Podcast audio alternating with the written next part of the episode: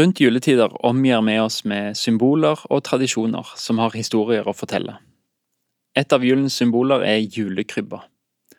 Denne uka i Over en åpen bibel har vi tatt for oss noen av karakterene vi ofte treffer i julekrybba, for å undersøke hva de kan forklare oss av julens budskap.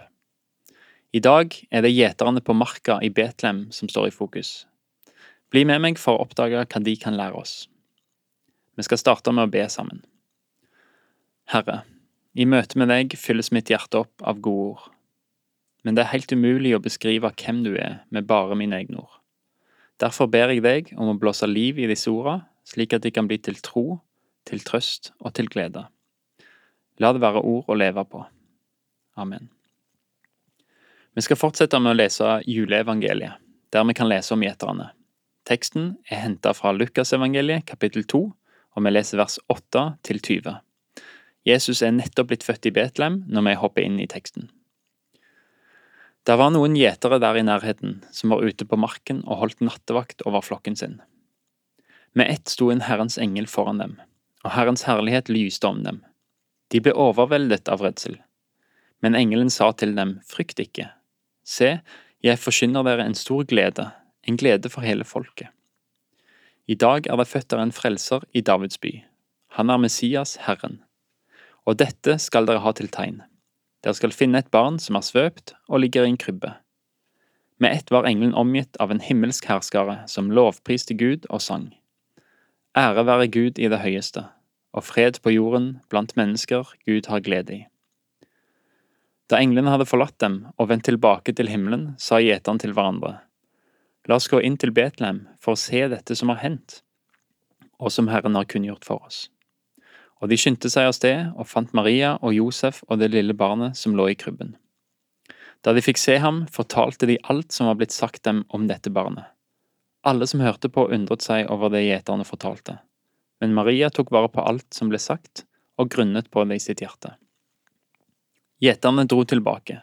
De lovet og priste Gud for alt de hadde hørt og sett. Alt var slik som det var blitt sagt dem. Gjeterne på marka er de første som får høre om Jesu fødsel. Det er ganske bemerkelsesverdig. For på den tida ble gjetere sett ned på. Gjetere hadde ofte en bigeskjeft for å kunne spe på inntekten sin. De stjal. De måtte ta det de kunne for å forsørge seg, flokken og familien.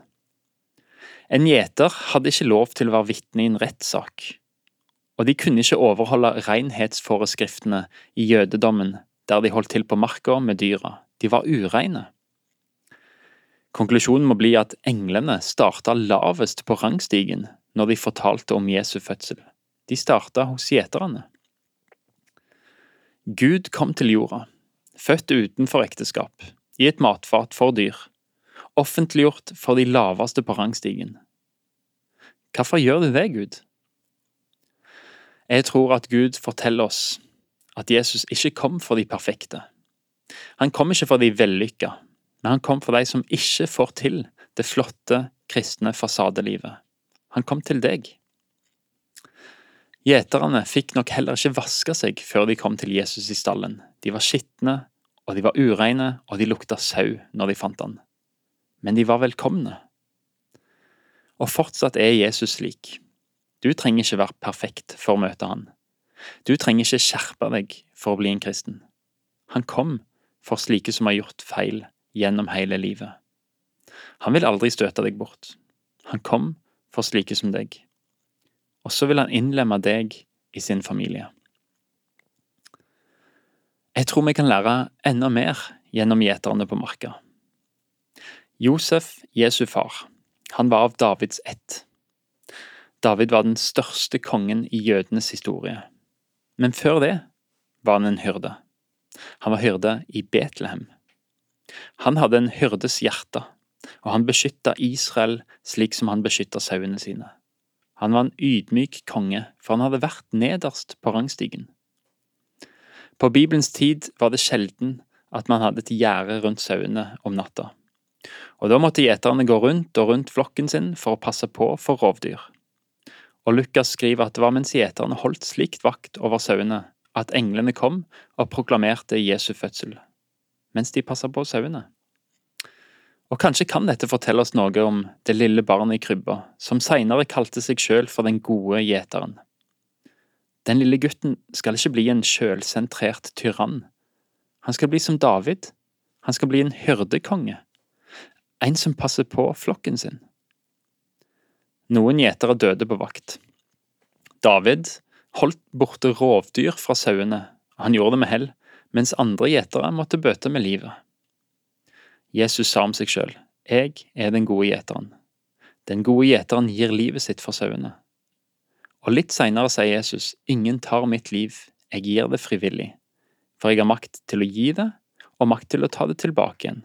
Dette er oppdraget jeg har fått av min far. Jesus sier med andre ord, Jeg blei født for å være en gjeter for mitt folk. En gjeter som frivillig gir livet mitt for å berge sauene mine.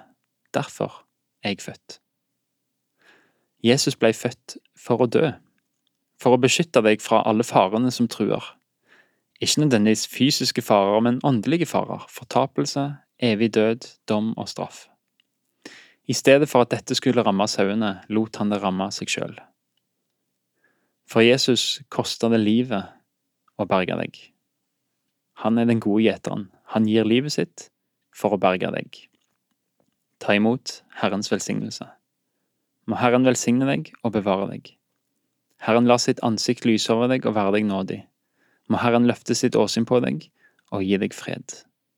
Amen.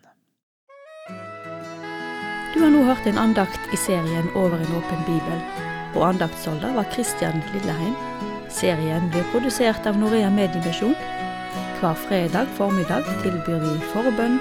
Ring oss på telefon 38 14 50 20 38 14 50 20 mellom klokka 9 og klokka 11.30. Eller du kan når som helst sende oss en melding via Facebook eller e-post. Bruk da adresse post krøllalfa norea.no.